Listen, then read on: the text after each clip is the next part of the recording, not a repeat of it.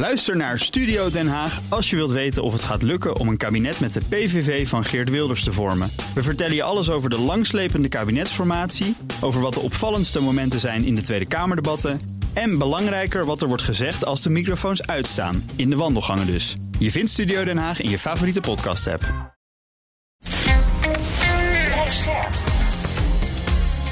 BNR Nieuwsradio. Boekenstein en de Wijk. Hugo Reitsma. Welkom bij Boekenstein en de Wijk. Het is donderdag, dag 372 van de oorlog in Oekraïne. Deze week met Patrick Bolder. En we hebben een vraag van ene Herman Snel.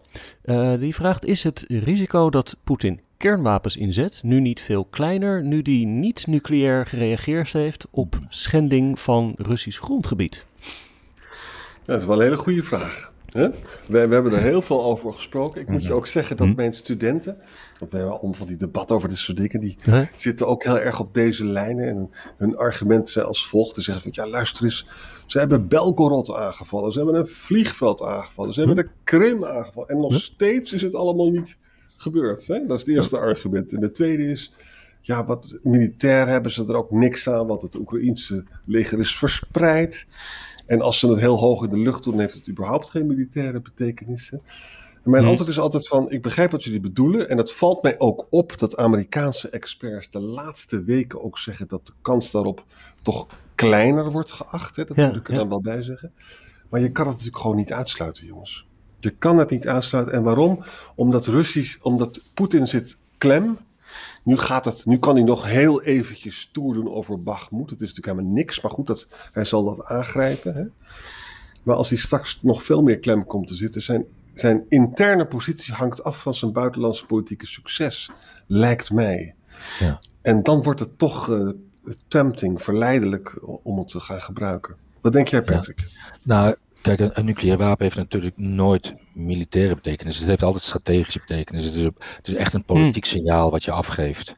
Ehm, dus daar moet je, hoef je niet naar te kijken wat is het militair nut van een, van een klein of een groot kernwapen. Ook een klein kernwapen is gewoon een strategisch wapen en is bedoeld om de besluitvorming bij de tegenstander of bij de coalitie in dit geval ehm, ja, die te beïnvloeden en die eigenlijk uh, te doen keren. Dus, dus ja, die dreiging die hangt boven de markt. Ik heb ook heel lang gedacht van het zou kunnen, het zou kunnen, het zou kunnen. Hij heeft nog steeds niet gedaan. Maar we moeten het ook niet, niet um, outroelen. Uh, het, het, is altijd mogelijk, uh, maar we moeten er ook ons niet door laten afschrikken. En ik denk dat dat eigenlijk um, waar we op uit moeten zijn van nee, we moeten het wel in de gaten houden. En daarom zie je ook dat Biden zo voorzichtig is. En ook hm. het leveren van wapens die niet te ver in de diepte kunnen. Stap voor stap uh, zie je dat de Oekraïners dat doen. Alhoewel de Oekraïners zelf ook niet hebben toegegeven dat zij het waren die die aanval in de diepte hebben gedaan. Maar ja, wie moet het anders zijn, zou je zeggen. Um, ja, je kan het nooit uitsluiten. En, en daarom moet je er altijd wel rekening mee houden. Maar je moet je niet door laten beangstigen. En ik denk dat heel goed die besluitvorming in het Kremlin gevolgd moet worden. Voor zover dat kan. De Amerikaanse onderminister van uh, defensiebeleid, die heeft dat volgens mij van de week ook weer geroepen van de kans dat het gebeurt is klein. Maar hij heeft niet gezegd het gebeurt niet. Hmm. Uh, en het is natuurlijk makkelijk om te zeggen, ja het gaat toch niet gebeuren, want hij heeft het niet gedaan. Maar ja, uh, successen uit het verleden bieden natuurlijk geen garantie voor de toekomst. Uh, en, en, niemand kan in die toekomst kijken. Dus ja, ik vind dat wel een ingewikkelde situatie. Als ze mij vragen, zie jij dat gebeuren? Ik zeg nou, de kans is heel erg klein, maar ja, we moeten er wel over blijven nadenken dat het kan gebeuren. Hm. En uh, hoe ver moeten we Poetin uitdagen? Nou ja, ik vind het allemaal wel ingewikkeld hoor. Ja, ja. Zit er ook eigenlijk niet iets geks in dat de vrees lijkt een beetje af te nemen? Terwijl je zou zeggen dat het risico toeneemt naarmate Poetins opties afnemen. Ja, ja dat, is ook, dat is ook gek. Dat is ook gek. En je zou dan nu nog kunnen zeggen van ja, Bachmoed, dan heeft hij nog een heel klein succesje dat hij kan opblazen. Maar stel je nou eens voor, we krijgen straks dat lenteoffensief. Stel je voor, de tanks komen eraan. En stel je voor, voelen daar leert ons dat die Russen, dat gaat niet zo goed met die tanks. En misschien dat de Oekraïners zijn beter getraind, hè? Kan, zou je misschien kunnen zeggen Patrick. Hè? Dus dan gaat Oekraïne weer een beetje winnen. Dus dan in mei, juni dan komt hij dus veel meer onder druk te staan. En dan gaan we dit, dit, deze discussie natuurlijk voeren met elkaar weer. Ja, en wat zijn dan echte rode lijnen voor Poetin? Hè?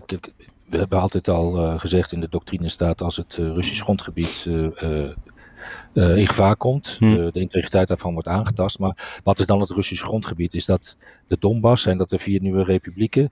Of is dat echt het hartland van Rusland? Is het het Kremlin zelf? Ehm, ik denk dat de als de Oekraïners de, de Donbass terugpakken, dat die dan ook nog wel door de vingers laat zien. Als de Krim echt bedreigd wordt, dan wordt het wel echt heel spannend natuurlijk. Hmm. Ehm, en zeker als, we, als die landbrug wordt uh, doorsneden door de Oekraïners in de offensief, waar we het gisteren over hadden, mhm. dat dat een handige optie zou zijn. En de Kerkbrug, die is weer een keer uh, doelwit. Hmm. Ja, dan, dan vind ik het wel erg spannend worden. En dan zou ik niet durven zeggen van het, wordt toch niet, het gebeurt toch niet, de inzet van zo'n wapen. Exact, exact. En wat ik ook zo ingewikkeld vind, is dat heel vaak zeggen mensen van. Uh, dit wordt allemaal gebruikt om te weinig wapens te leveren aan Oekraïne. Dat zeggen mijn hm. studenten ook vaak. Hè? Hm. Hm. En dan zeg ik tegen ze: ja, maar luister eens, jongens. Uh, wat ze zeggen: we moeten Rusland er helemaal uitslaan, hè, zeggen ze dan. Dan zeg ik: ja, maar jongens, ik denk dat we sowieso naar een nieuwe padstelling toe gaan. En dan vind ik, want ja, ik weet niet of Mariupol terugkomt. Dat weet ik echt niet of dat gaat lukken. Hè? Eh, en dat betekent dat we moeten dus Oekraïne blijven steunen, ook als er een staakt het vuren komt. We moeten dan ook praten over een, NAVO-paraplu. Dat is iets anders dan de gedachte dat je dus er helemaal eruit kan rammen, waar heel veel mensen dus toch mee denken dat dat gaat gebeuren. Ja, maar ook het roepen van er moeten meer wapens naartoe wat is het absorptievermogen van het Oekraïnse leger om met die nieuwe wapens allemaal goed te kunnen optreden? Uh, kijk, er is hmm. natuurlijk al enorm veel naartoe. Ik heb nog niet gehoord dat er een Oekraïner op zoek is naar een kogel of naar een antitankgranaat. Er gaat al enorm veel naartoe. Ehm, en zijn het allemaal de goede spullen? Daar kan je natuurlijk over, over praten. En, en die tanks die moeten er dan ook nog komen, want dan geeft de Oekraïners weer extra uh, mogelijkheid om de Russen terug te duwen. Um, maar, maar te zeggen, we moeten nog meer wapens. Uh, we moeten wel kijken wat de Oekraïnse leger aan kan. En wat ook handig is op dat moment. Vandaar ook die discussie natuurlijk over het luchtwapen en de F-16's. Kijk, de Oekraïners kunnen er nog helemaal niet mee opereren. Ze kunnen er misschien wel mee vliegen na een hele korte tijd. Want het hoeft geen 18 maanden te duren. Maar de techneuten, ja, daar ben je echt wel een jaar mee bezig. voordat die zo'n vliegtuig kunnen onderhouden en repareren. Uh, dus ja, we, we moeten ons niet laten afschrikken daardoor, maar we moeten altijd wel in de gedachten houden, dat zou ik zeggen. Ja, maar als je dus zegt, Patrick, van uh, je moet er wel rekening mee houden, maar je zegt tegelijk, we weten eigenlijk niet waar Poetins rode lijnen liggen. Ja, hoe doe je dat dan, er rekening mee houden? Ja, dat, nou, dat hele voorzichtige voorwaarts gaan, wat, wat Biden dan ook wil. Hè? Niet, niet te snel al die al te uh, zware wapens in één keer gaan leveren. Maar kijken hoe Rusland daarop reageert. Um, nou ja, Rusland reageert steeds met nucleaire retoriek, toch? Maar dan weet je ook niet of dat serieus is, want dat bleek het eerder niet te zijn. Zolang het bij retoriek blijft, kun je doorgaan, zou ik zeggen. Hoe, hoe, lang, hoe lang kan je dat dus retorisch doen? Ik bedoel, de geloofwaardigheid wordt steeds minder. Ja. Ja, dat, dat is waar. Uh, hoe vaker het geroepen wordt, hoe minder wij het gaan geloven dat het gebeurt. Ja. Dus laat Poetin nog maar heel vaak roepen en dan doet hij het misschien niet meer, zou je zeggen. Maar ik vind dat wel een hele gevaarlijke benadering. Ik Patrick, nog een vraagje aan je. Um, kijk, we voelen daar de tanks, dat was gewoon een ramp. Hè? Dat, dat gaat niet goed, toch? Nou, dit, het Russische offensief is dus kennelijk begonnen. Dat is dus Bakhmut. Nou, echt spectaculair is dat niet. Heel veel mensen dood. Hè? De cruise missiles zijn kennelijk op, of er zijn er niet veel meer van. Want ik, ik lees dat niet meer, dat de cruise missiles gaan naar, naar krachtcentrales toe. Dus dat Steeds minder lijkt het, hè? Ja. ja. Dus met andere woorden, uh, is het, kan je zo langzamerhand niet zeggen van, nou, als er straks de tanks aankomen aan de Oekraïnse kant, dan kan Oekraïne echt wel een beetje vooruitgang boeken. Wat, dus daarom is het heel belangrijk, wat, wat moet uh, Poetin doen? Hij moet dus die Iraanse drones hebben, die moet hij ook maken op een, een, fabriek, geloof ik, op Russisch grondgebied. Hij wil die missiles ook hebben van uh, Iran, hè? En die wil hij geloof ik ook op Russisch grondgebied. Maar dat duurt allemaal even. Ja, die hebben we nog niet gezien, hè? Daar is al, al langer vrees voor, maar... Nee, vannacht waren er weer vier van die uh, Shahed-drones, maar die zijn allemaal de lucht uitgehaald. Ja. Uh, in de buurt van Poltava, dat is zuidwest van, van uh, Kharkiv. En ik begreep eigenlijk dat, dat Rijnmetaal, daar had het uh, gisteren volgens mij ook over, in verband met de wapenproductie, die heeft daar de Skynex en de Skyranger Short Range Air Defense systemen ook geleverd aan Oekraïne. Die zijn heel effectief op die korte afstand tegen dit soort middelen. Ja. ja. En dat, dat, dat wist ik niet, maar dat, dat zag ik vandaag weer langskomen. Maar goed, ja, maar als de Chinese wapens ook nog bijkomen aan de Russische kant, Arend Jan, dan heb je wel weer een andere, andere krachtsbalans. Uh, er zijn ook nog steeds schepen in de Zwarte Zee die die kaliber uh, missiles kunnen afvuren. Ja, dat vertelde je. Die voor gewaarschuwd, ja. En, die. Goed, en dat doet het toch ja. Hij spaart ze op. Hij spaart ja. ze. Ja, ze, ze schieten er um, um, 100 tenminste in het begin, eh, nee, vanaf oktober was dat zo'n beetje, maakten ze van die barrages met 100 eh, raketten en drones gecombineerd. Ja, zo massaal zien we dat niet meer. Uh, dus ze kunnen ook niet zo snel meer worden gemaakt. Ik geloof iets van 12 per maand. En als je er per week 50 wegschiet, ja, dan ben je snel door je voorraad heen. Ja. Hoe gaat het echt met elektriciteit, jongens, in, in Oekraïne? Ja, verbazingwekkend goed eigenlijk. Hè? Van de week ja. hoorde ik dat, dat heel Oekraïne had weer stroom. Heel vrij Oekraïne had weer stroom, moet ik dat zeggen. Hm. Um, dus ik vind het wel verbazend inderdaad hoe ik snel ook. ze dat, ik, ook heel knap, hoe snel ze dat toch weer kunnen repareren. Net als met de spoorwegen. Hè?